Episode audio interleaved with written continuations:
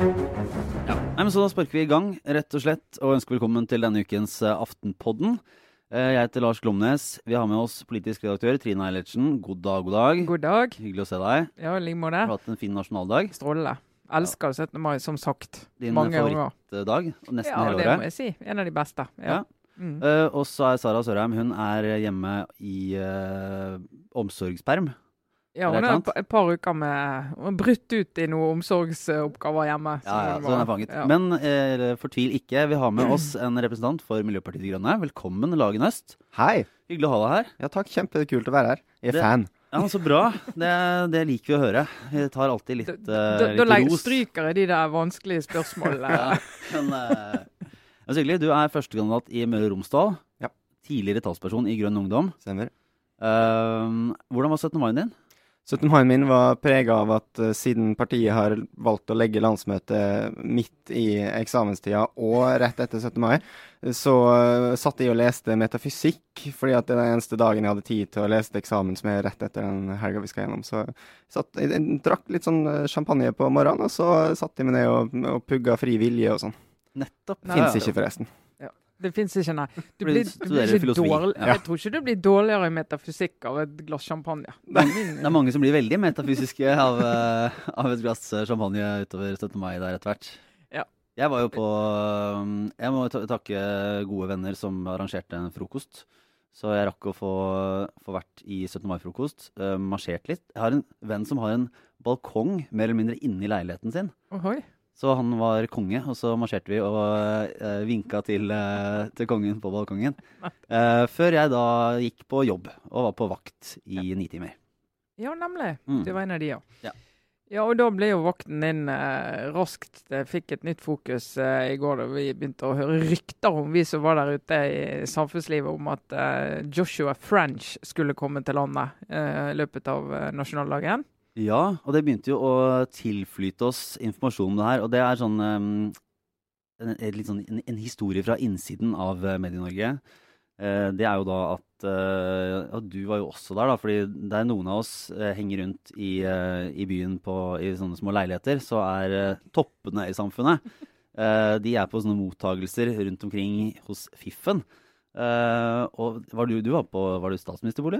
Nei, det var regjeringens representasjonsbolig. Ja, Børge ja, Brende som inviterer egentlig alle de utenlandske ambassadørene, og så mm, sikkert mange, også mange andre da, fra norsk samfunnsliv, for å si det litt Ja, upresist, som skal kvekke rundt der og konversere, da. Ja, så det kan du tenke over, Lage. Når du satt med metafysikken din, så satt uh, Trine Eilertsen og Harald Stanghelle, da, som, uh, som etter hvert uh, også tok kontakt. Fordi der gikk jo rundt da, hos, hos, i denne mottagelsen. Så begynte det å gå. Jeg vet ikke hvordan, hvor, hvor, eh, hvor mye det surra, men i hvert fall det begynte å komme rykter om at det skulle holdes en, en pressekonferanse plutselig på 17. mai. Uh, og etter hvert også at det trolig hadde med uh, frigivelsen av Joshua French. Ja. Så da satte vi på jobb da, og prøvde å få dette bekrefta.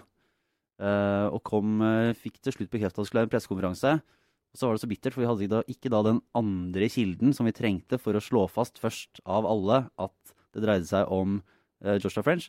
Så da kom uh, fordømte VG oss i forkjøpet. Ja. Uh, og det, var, det er alltid litt bittert når man sitter og skal vinne den nyhetskampen. Ja. Men trøsten får jo være at det var veldig få som var på telefonen og leste om det akkurat da. Ja, det kan jeg si. Det Vi, var, hol- vi holdt jo på med andre ting. Ja, De aller aller fleste brydde seg ikke der og da. Nei. Men det er jo en sak som, som engasjerer, og har engasjert i mange år. Siden de da, da Kjostolv Moland og Joshua French ble arrestert i 2009. Ja, Og det, jeg tror Mitt inntrykk da, er at reaksjonene deler seg i tre. Du har en gruppe nordmenn som har eh, voldsom sympati med moren til eh, Joshua French. Hun har jo faktisk reist til Kongo. Eh, Kjemper en eh, ja, fantastisk gripende kamp for, eh, for sin sønn, som har holdt på å dø i fengsel mange ganger. og Alle som har barn og alle andre kan sette seg inn i hvordan hun har det. Så det er en gjeng som ja, har en blind sympati med henne, og den tror jeg mange deler. Og er glad på hennes vegne, virkelig. Og så har du en gjeng som er litt sånn Det er jo norske gutter. Vi må jo få de hjem. Vi kan ikke ha norske gutter sittende i fengsel i sånn tulleland. Må hjem med de. Og, og litt sånn Kongo er så teit at det spiller ingen rolle hva du har gjort der, du må bare hjem. Eh, En gjeng der. Og så har du en ganske stor gjeng som er sånn Hva skulle de i Kongo, og hva har dette kostet? Jeg ble oppringt av en, eh, Ja. en av den uh, typen her uh, i stad. Uh, Unni fra et eller annet sted i kanskje Indre Telemark, som lurte på hva i all verden var det de guttene skulle der i utgangspunktet. Ja, og jeg hadde kontakt med SMK i går. Mitt første spørsmål var håper dere begynte å regne på total. Dere vet spørsmålet kommer. Det er liksom sånn eh, Det er det jo. Men det er jo denne her eh, diskusjonen om nordmenn i utlandet som gjør eh, teite ting. og hvordan vi skal hjelpe dem, hva grad vi skal hjelpe dem. Og det er klart Denne saken skiller seg ut. Det sitter to nordmenn i, fengslet rundt i verden nå som er dømt til døden. Og det jo, var jo han her eh, Joshua French, og så er det en i Pakistan. Alle de andre de sitter i fengsel fra fengselsstraff. Men med en gang det er dødsdom inne i bildet, så får du en litt annen dynamikk i de sakene. Så det har jo litt med, med dimensjonen å gjøre også, da. Og så var det jo, um, så var det jo ganske klart at det ble jo skrudd ytterligere til etter at Justov Boland uh, døde i fengsel i Kongo i 2013. Og French i 2014 ble dømt for drap der, selv om Kripos og andre som var nede og, og gjorde tekniske undersøkelser, slo ganske utvetydig fast at dette var et selvmord. Ja, og det mente jo Um, kongolesiske myndigheter i første runde også, Ja. men de skiftet mening. Eh, så, så da ble det jo enda mer dramatisk. Og så har jo helsetilstanden til French, eh, særlig de siste to årene, vært, vært veldig dårlig. Ja, og forferdelig. rett nå inn på, for, for å få helsehjelp i Norge. Er det en sak som du har eh, måte, fulgt eller engasjert deg i, eh, er veldig lite, bare fra sidelinjen, sett at det har skjedd noe snusk. og håpet at det skulle ordne seg på et eller annet vis, at rettferdigheten skulle seire osv. Men jeg har jo ikke kapasitet til å bedømme om, om den har seira eller ikke. Noen har seira. Ja. Ja. Det er vel, det er vel noe ganske bra for alle parter at Ja, og, eh, han og moren til moren ja, kommer seg hjem og får ordentlig helsehjelp i eh, Norge, noe han eh, helt åpenbart har trengt. Ja, og det, Hvis ikke hadde han jo sannsynligvis dødd i det fengselet. og Det er jo kongolesiske myndigheter. Jeg tror jo ikke de er en eh, stor bistandsmottaker også. Er jo ikke så interessert i å på en måte ringe hjem til norsk UD og si at vi har en død nordmann i, i cellen her som er død fordi han ikke har fått eh, En helsehjelp. Ny, en ny død nordmann. En ny ja. død nordmann. Sånn at det, det har jo helt sikkert noe med saken å gjøre, det også. Men det som jeg syns var interessant i går, var at statsministeren avbrøt 17. mai-feiringen for å eh, ta den pressekonferansen som jeg Jeg ville i hvert fall tenkt sånn intuitivt at det kunne utenriksministeren gjort, som den som er ansvarlig for det departementet som har jobbet med det, eh, og holdt saken på det nivået han skal, skal være på. da. Nå ble det løftet opp som en stor, stor nasjonal sak som statsministeren har engasjert seg i og er engasjert i.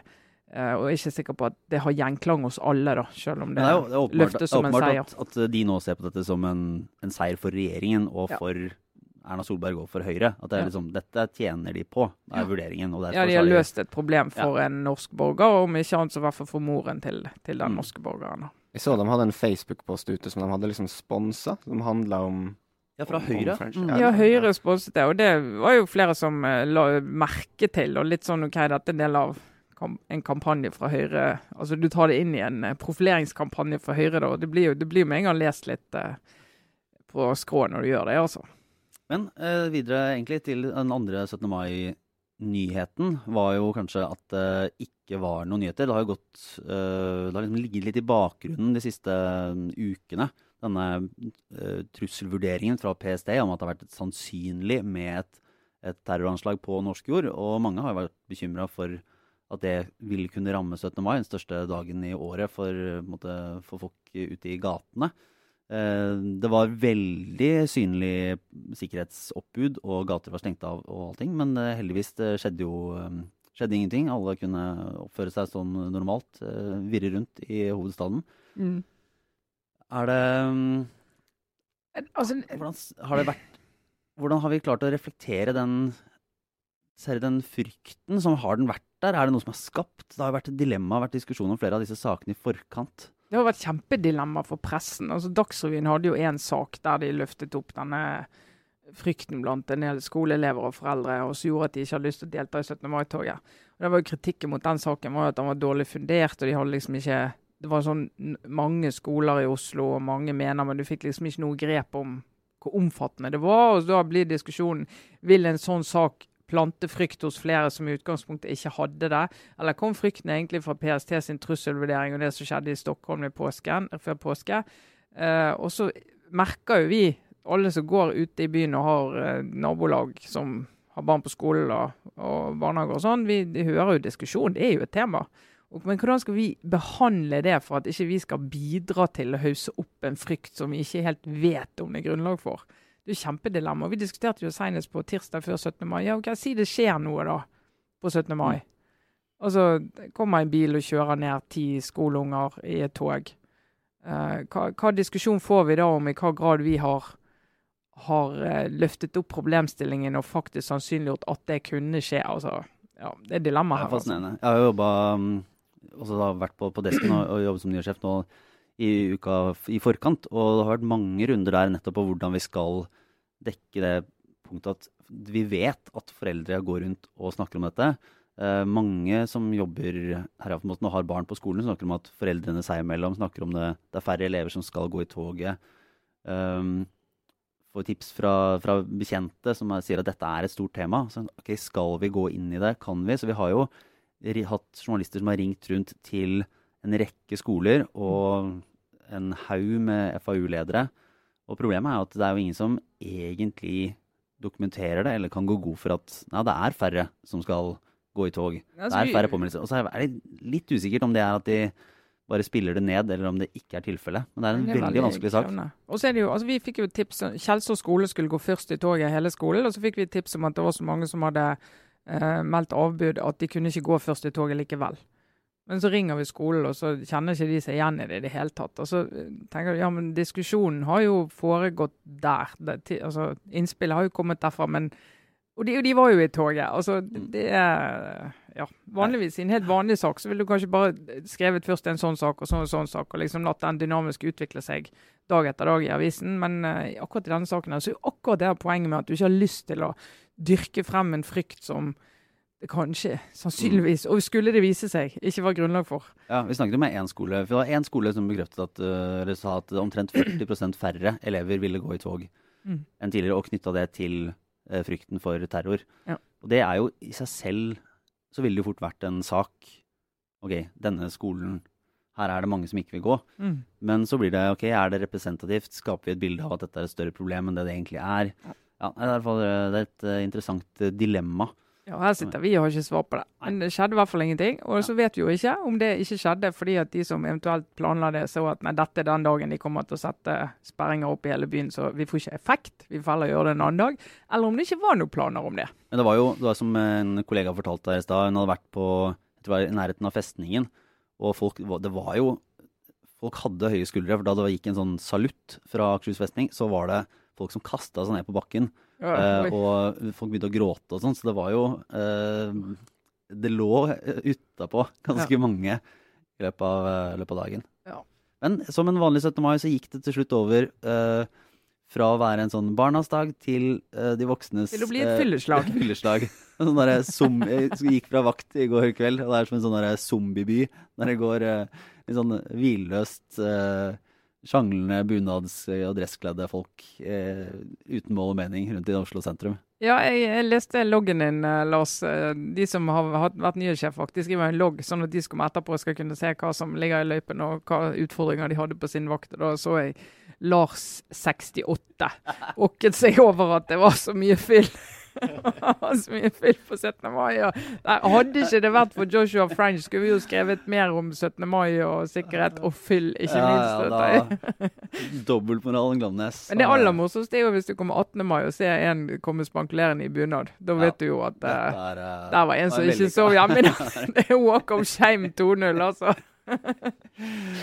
Men det store denne uka, Lage Drit i 17. mai og eksamen og allting. Det er landsmøte på Lillehammer ja, ja, ja, i Miljøpartiet De Grønne. Dette er stort. Yes. Det er det viktigste landsmøtet vårt uh, før dette valget, i hvert fall. Ja, ikke sant. Det er, uh, det er helt der oppe. Men uh, kan ikke du bare gi oss, og de som ikke er helt inne i det, liksom, the inner workings av, av MDG om dagen, hva er det som er, hva er, det som er temaene? Hva er det går inn har, har vi nevnt hvem han er? Ja. ja, det gjorde vi. Ja. Greit. Ja, jeg trekker det. Møre og Romsdal. Jeg skal ikke forstyrre deg mer, Lars. Bare, hvor, mange, hvor, mange, prosent, eh, hvor, eh, hvor, sannsynlig er det at du kommer inn på Stortinget? Jeg har ikke tall på hvor sannsynlig det er, men uh, i Møre og Romsdal så må jeg vel opp på mellom 6,5 og 7,5% for å ha sjanse på direktemandat. Og på målingene der nå så ligger vi og vaker rundt 2,2 4-2,5% sånn at direktemandatet henger høyt, da. Men jeg kan hoppe høyt, altså, vi får se. Men, eh, men hvis vi kommer over sperregrensa, så kan det jo plutselig ryke inn. Da blir det jo litt sånn bingo. Da veit man jo ikke helt. Ja, ikke sant. Utjevning. Ja. Mm. Ja. Ja, er, er Møre og Romsdal et tøft, eh, tøft MDG-fylke? Ja, det er jo liksom Sylvi Listhaugs territorium, så det er, og ja, det er ganske mange Ganske mange som, som heller i en annen retning enn det De Grønne kanskje tenderer til å gjøre. Mm. Så, så det blir tungt, men eh, samtidig så er det jo også et fylke som har f.eks. mye utrolig vakker natur de er glad i, og en del sånne her eh, Det er noen verdier der som jeg tror eh, vi kan finne felles. Mange av dem som trodde de egentlig ikke likte De Grønne, som har sett liksom LAN på nyhetene og sånn og tenkt at eh, det går til helvete i Oslo. Eh, og så, så, så hvis de bare får fortalt dem at nei, det går faktisk ganske bra i Oslo, folk i Oslo stemmer på De Grønne og har ikke slutta å stemme på oss, sjøl om vi faktisk gjør det hvis de vil love oss videre. Eh, og så begynner å heller vise dem at det her som handler om å ta vare på kystnaturen, og handler om å ta vare på liksom eh, å gi næringslivet flere bein å stå på, ting som de jo trenger der oppe også, så tror jeg at eh, det kan plutselig ryke opp på kanskje ikke 6-7 men i hvert fall litt flere prosent enn vi har nå. Men, eh, men eh, landsmøtet, hva, hva er det folk går inn i, i det og spør seg om? I, ja, det er jo alt mulig, da. ikke sant? Det, og det, en av de vanligste spørsmåla jeg får når jeg, når jeg liksom står på stand og sånn, er jo liksom Ja, ja, veit at dere er opptatt av miljø, men uh, hva med alt annet? ikke sant? Så, så det er klart at sånne Alle mulige andre politiske spørsmål er, kommer til å være om ikke de mest sentrale på landsmøtet, så er det dem som folk går rundt og liksom eh, slår opp på, på internett og skal finne ut hva de skal stemme i alle mulige saker, sånn som ikke har med kjernespørsmåla å gjøre. Eh, så det, jeg tror det er mye av delegatene som driver og jobber sånn. Jeg vet at de gjør det sjøl, liksom slår opp eh, ord som jeg ikke har hørt før, og sånn i, i felt som vi ikke, som vi ikke har satt meg kjempegodt inn i. Også, men de store debattene kommer jo til å handle om, om hvordan vi skal gjennomføre det grønne skiftet kjapt og gærlig, og på en måte som gjør at folk ikke syns det er helt forferdelig, i hvert fall. Sånn, eh, jeg vet En sånn skillelinje som kommer til å bli dratt opp, er det her med arbeidstid. Og Forholdet mellom, eh, mellom arbeid og lønn. og eh, Der har jo De Grønne lenge vært kanskje det eneste partiet i Norge som har vært tydelige på at vi mener at i Norge så er det greit om vi ikke eh, får så mye lønnsøkning lenger, at vi kan heller prioritere fritid framfor reallønnsøkning og sånne ting. Det har vi i dagens program. Men nå kommer det til å være en debatt der det er noen som har lyst til å stryke det. Det er noen som har lyst til å moderere punktet, si at man skal åpne for at man kan få mer fritid. Eh, og så er det noen som har lyst til å konkretisere det enda mer og si at man skal gå gradvis ned mot en 30 timers arbeidsuke og sånne ting. Så det, den debatten der er jo litt sånn sentral, fordi det har vært en sånn det har vært en sånn sta ganske stabil eh, påle i De Grønnes politikk lenge, og så eh, nå er det, rokker man plutselig litt grann ved den, kanskje. Er det sånn verdi, nesten sånn verdispørsmål i, uh, i MDG? Hvert parti har jo noen sånne grunnspørsmål som, som ligger litt på sida av den praktiske politikken, Partiets sjel. men som er liksom partiets sjel. Ja, det vil si. Det, det, det er verdispørsmål, og så er det selvfølgelig også det, ja, det er jo på en måte både knytta opp mot uh, en slags idé om hva et medmenneskelig samfunn er. At man ønsker seg et samfunn der uh, folk har mer tid til familie og venner. Liksom. Så det er den, rent liksom, menneskelige biten. Og så er det den, den miljømessige biten som går på uh, hvilke tiltak man kan se for seg at faktisk kan bremse den materielle forbruksveksten, som, som mm, er på en måte hovedårsaken til alle de ja, klimaproblemet, biomangfoldstap, plastforurensning som har vært viktig nå. Det handler jo om at vi forbruker for mye, og så sløser vi med det etterpå og liksom slumser. Så, så det er liksom både en sånn verdi, eh, hjerte-smerte-sak, men også et sånn konkret spørsmål om hva som er det effektive. det blir litt sånn som, eh, som, som Nato i SV, da, kanskje. Som er sånn, De ligger der, og det er et praktisk spørsmål. og på en måte Det er veldig mye å si for identiteten. Og så er det den, akkurat den derre Det er en retning mer enn en, en gjennom, altså, gjennomførbar politikk nå. Det, å, det er veldig vanskelig for MDG å få med seg et flertall på å faktisk si ok, vi skal ikke ha økt økonomisk vekst, vi skal ha kortere arbeidsdager. Det det er jo de sakene hvis du skal sitte i regjeringsforhandling som er sånn ultimatumsaker. Og er ikke, den er jo ikke det. For det, det går liksom ikke.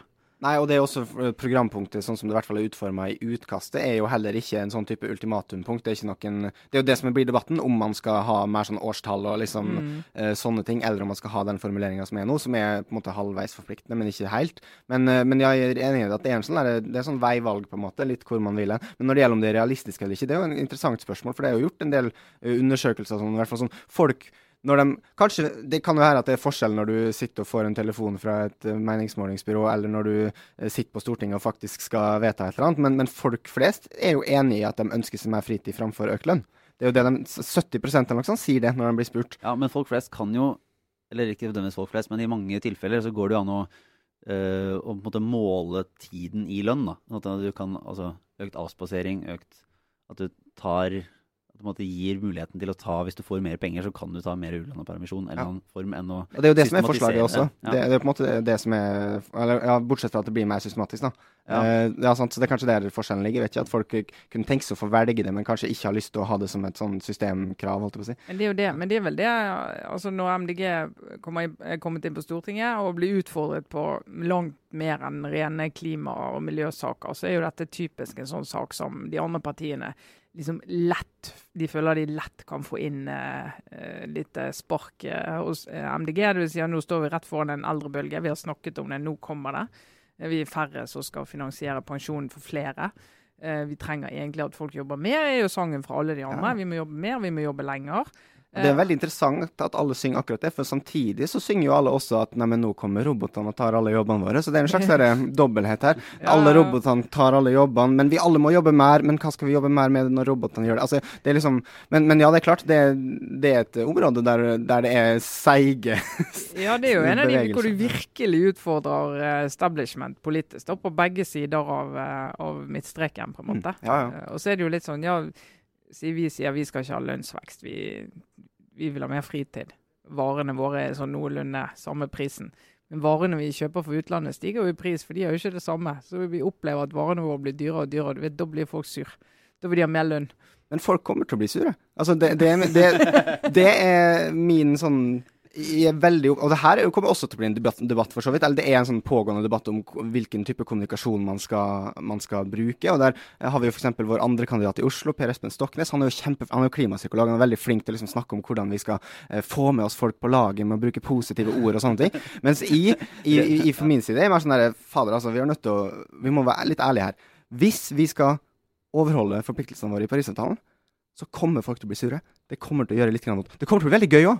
Det kommer til å bli ren energi og bedre helse og masse positive bieffekter. Men det kommer også til å svi litt. Og det er litt sånn der, det synes jeg at vi må si til folk. det som det er, ja. Ja, Men, sorry. En, var han klimapsykolog? Ja, ja, ja. Han er, han er psykolog. Han har Psykolog for klima, eller for for Ja, begge deler. Han har forska mye på liksom, hva er det som gjør at folk vet at de er nødt til å handle positivt for klima, men så gjør de det ikke likevel. Altså, Hvilke sånne psykologiske barrierer er det som gjør at du på en måte ja, du resirkulerer ikke i dag, sjøl om du egentlig vet at du burde gjøre det. Eller ja, Det er kanskje et dårlig eksempel, for folk resirkulerer. Men du tar den flyturen, da, sjøl om du vet at du egentlig ikke burde. Mm. For resirkulering er jo lett, derfor gjør vi det. sant? Ja, ikke sant? Men det er jo litt sånn, vi snakket, det er litt sånn som når du møter en som er akkurat blitt frelst og blitt kristen.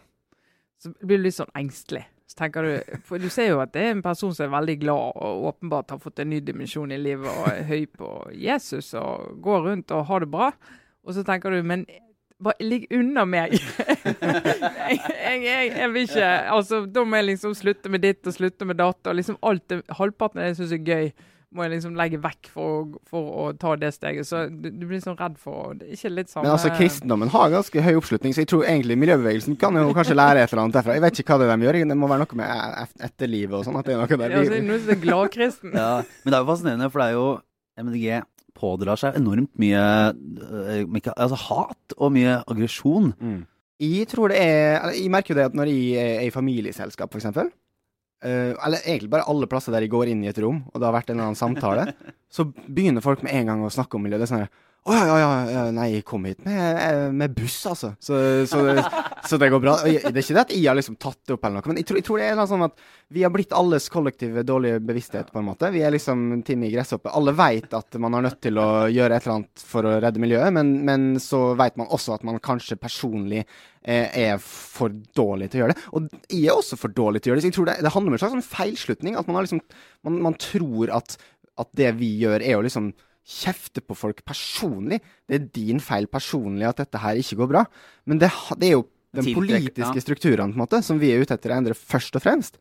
Så skal ikke vi nekte at det finnes personlig ansvar der inne òg. Jeg tror moralen har nødt til apropos filosofistudiet, da, moralen må få en større plass i, i, i livet vårt igjen. For den har, har vi kanskje begynt å glemme litt. Men Men det er ikke det som er hovedpoenget. Så jeg tror, men folk oppfatter det som hovedpoenget. At de oppfatter at vi i, kjefter på, på det personlig. Når de sier at vi må fly mindre, så føler de som at jeg kjefter på dem. Mm. Men det er jo fordi vi har et system som gjør at det å fly er mye billigere enn å ta tog, f.eks. Ja. og nesten overalt. Så det, det må hende. Ja, men det tiltrekker seg jo Eller tiltrekker nå, Jeg vet ikke om jeg skal formulere det her som en påstand eller et spørsmål.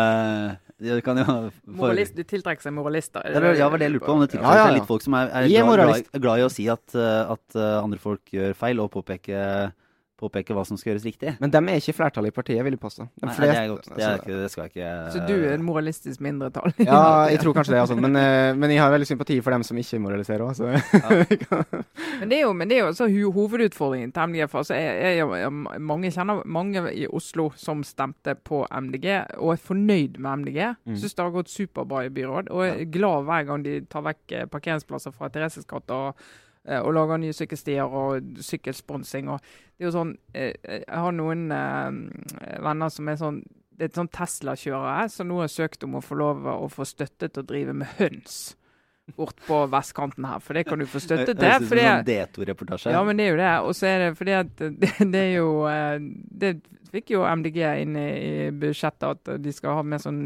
bylandbruk, om du vil. Eh, og så kan kan få støtte til det. Jeg tror opp til sånn 15 000-20 000 for å drive med høns. Du kan få lease høns, Lars, hvis du vil. Jeg er jo styreleder i borettslaget mitt. Nå blir det fart i bakgården. Og de, eh, og de eh, Ja, men de er veldig engasjert. Syns det går kjempebra. Uh, og de, og, men så tenker jeg, er det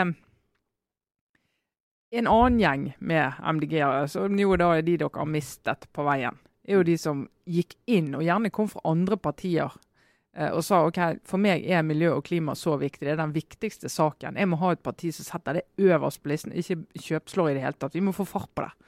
Og så kommer MDG på Stortinget, og så er de i Oslo, og så blir det litt sånn Så har de begynt å sige tilbake til de gamle partiene sine. Det, opplever du eller tror du at det er fordi de andre partiene tok MDG sin fremgang som en sånn utfordring, og faktisk har flyttet seg på klimasaken, eller er det at folk liksom tenker Nei, det funket ikke, det heller.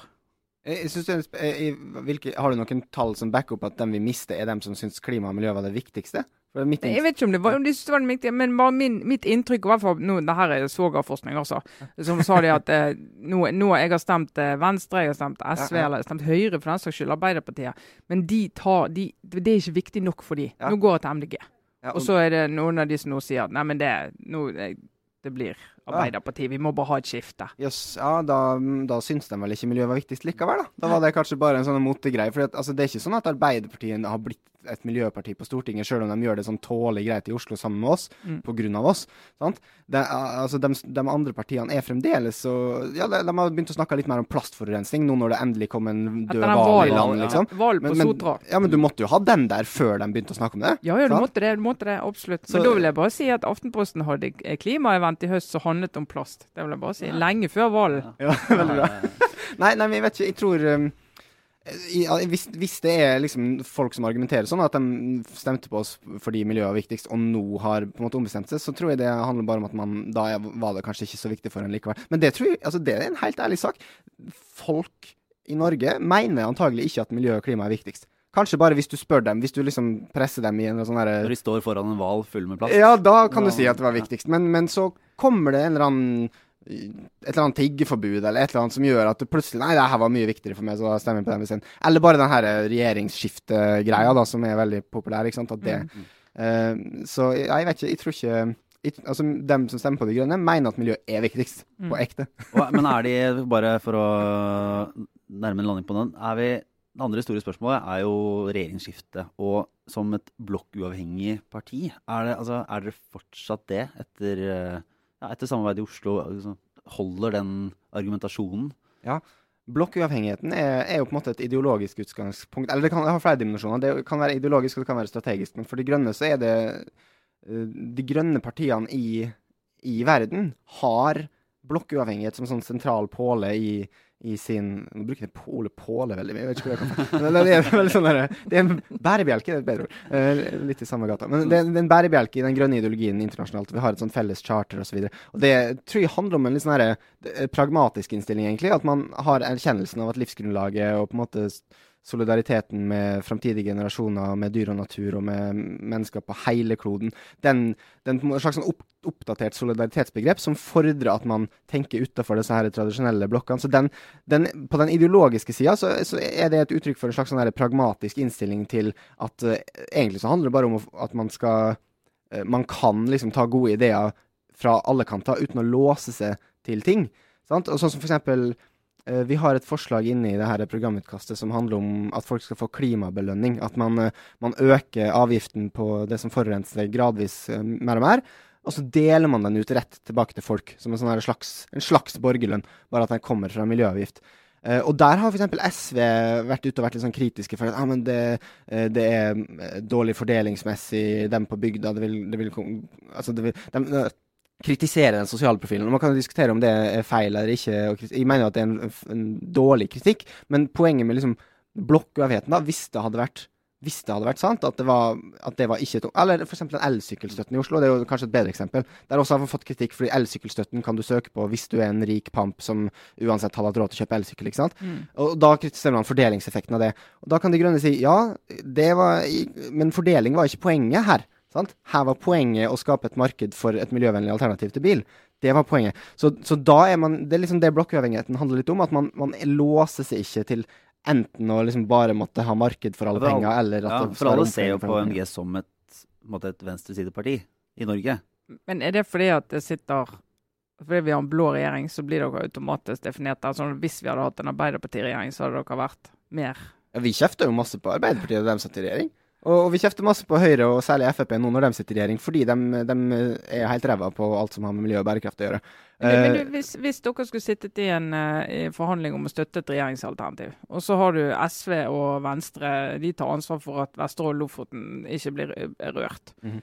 Ultimatum inn akkurat EU-saken, ferdig forhandlet før vi har begynt. Mm -hmm. Uh, hva ville vært dere, altså I en sånn forhandling, hva var det som skulle gjort at dere klarte å stille et ultimatum som faktisk ble noe av overfor Arbeiderpartiet eller Høyre, som virkelig gjorde en forskjell, sånn på nivå med Vesterålen Lofoten. Spør du om hva ultimatumet ja, ville vært? For eksempel en sak. Den viktigste saken for dere. Å herlighet, det kan ikke jeg begynne å slå fast her. Jeg kan si hva jeg personlig mener. Ja, si hva du eh, personlig. I, Disclaimer. I, ja. Det ville være veldig, veldig veldig vanskelig, synes jeg, for De Grønne å, å støtte en regjering som, uh, som åpner nye oljefelt i det hele tatt. Ja. Nå har man hatt 23. konsesjonsrunde, man har hatt 24, nå kommer 24. konsesjonsrunde. Jeg mener at som et, som et minimum ingen 24. konsesjonsrunde. Mm. Uh, og helst så skal man ikke tillate noen av utbyggingene i 23. konsesjonsrunde heller. Uh, men hvert, så, så, det tror jeg ja, Hvis jeg skal snakke for meg sjøl, nå har ikke partiet vedtatt det, noe, men, men, det bør være et, et, et, ultimatum for De grønne. Det er jo Utfordringen med den blokkuavhengigheten vår nå er jo kanskje heller at uh, det politiske landskapet er jo litt sånn at det, det, er kanskje ikke et veldig sannsynlig utfall at vi vil havne på vippen. I hvert fall ikke i så samme grad som det kanskje var før 2013-valget, da man hadde to blokker som var mer sementerte. Så, så, det er kanskje utfordringen. Men, men, når det gjelder det om vi er på venstresiden eller ikke altså Hvert valg så kommer det noen fra venstresida og kaller oss for småborgerlige, og så kommer det noen fra høyresida og kaller oss kommunister. Kanskje litt flere fra høyresida som kaller oss kommunister, men det er alltid noen fra venstresida som kaller oss småborgerlige. Så jeg, jeg tror blokkavhengigheten, den har vi i hevd. Altså. Er det ikke den, der, den samme som, uh, som uh, medieforsvaret? De kritiserer oss fra høyre, og de kritiserer oss fra venstre, og det betyr at vi er uavhengige. det, det betyr ikke bare at vi er dårlige. Nei, nei, nei. Selvfølgelig ikke. Men uh, jeg tror vi uh, runder litt sånn uh, av den biten her, for vi har litt obligatoriske refleksjoner å gå gjennom. Det er mye. Ja. Jeg har rett og slett en Jeg vet ikke hva jeg skal kalle det. En klage. Jeg, jeg, vet ikke om dette egentlig Jeg vet ikke om jeg på en måte treffer så mange av, av våre lyttere med dette her, da. Men det er verdt å, å gi det en sjanse, for det her har jeg Terapi òg bruker vi. Ja, ja, det er viktig, det er viktig å dele. Ja, fordi jeg har Jeg har ingenting imot tiggere i utgangspunktet. Jeg syns det bør være, i utgangspunktet bør være lov å tigge. Jeg tror, jeg tror et tiggeforbud vil være ganske vanskelig å gjennomføre og problematisk på en del områder. Uh, og så gir jeg ganske sjelden, fordi jeg mener at det skal løses systematisk og strukturelt, ikke på sånn personlig, og jeg har ikke kontanter. Men nå har det kommet en trend som jeg bare lar meg provosere av. Jeg har sett det i Øst-Europa før, og nå ser jeg det i Oslo. Det er tiggere som legger seg ned sånn på alle fire og måtte ber på sine knær om å få penger. Og gjør det. Ser sånn OK, se så vondt jeg har det. Og da er det sånn Nei, det er ikke, jeg gir ikke deg penger fordi du har det Gjør det vondere for deg selv. Du trenger, ikke å, liksom. nei, altså, du trenger ikke å ydmyke deg selv ekstra for at jeg skal gi deg penger. Det er en sånn Det, det, mm, det antar noe negativt om meg. Mm. Så det er sånn Ja, du, du, du har det sikkert jævlig som å sitte og tigge. Og det har jeg forståelse for. eh, og håper du skal få, kan få hjelp, og jeg bidrar gjerne til det. Men ikke gjør det vanskeligere for deg selv enn det du må. Nei. Sånn, du, blir mer irritert, du av det. jeg blir, jeg blir kjempeirritert. Jeg tenker sånn Herlighet, sett deg opp, da. Ja. Finn, altså, finn, finn deg pute. Jeg kan hjelpe deg å finne deg pute. Sitt mykt. Ikke sitt uh, i regnet eller i en vanndam for å vise at du er villig til å ha det jævlig for å få penger. Ja, for det var, det var jo illustrerende her utenfor eh, her vi jobber uh, Hindhagen. Så øste regnet ned. Jeg var ute en tur, og da satt det en dame som alltid sitter der rett ved T-banenedgangen, eh, med en sånn regnkåpe på, eller sånn frakk på. Beskytte seg mot regnet og, og tigget som hun pleier. Og så rett rundt hjørnet satt en av de som ligger da ubeskyttet i regnet og, og, og, og ber om penger. Og da går din sympati til hun som tenker at jeg, jeg her må jeg sitte, men jeg trenger i hvert fall ikke bli våt. Nei, da tenker jeg da gjør du, nå er du, da gjør du noe riktig. Nå er du, Ja. tar du vare på egen helse og gjør et forsøk. Du prøver ikke å nedverdige deg for å få min sympati.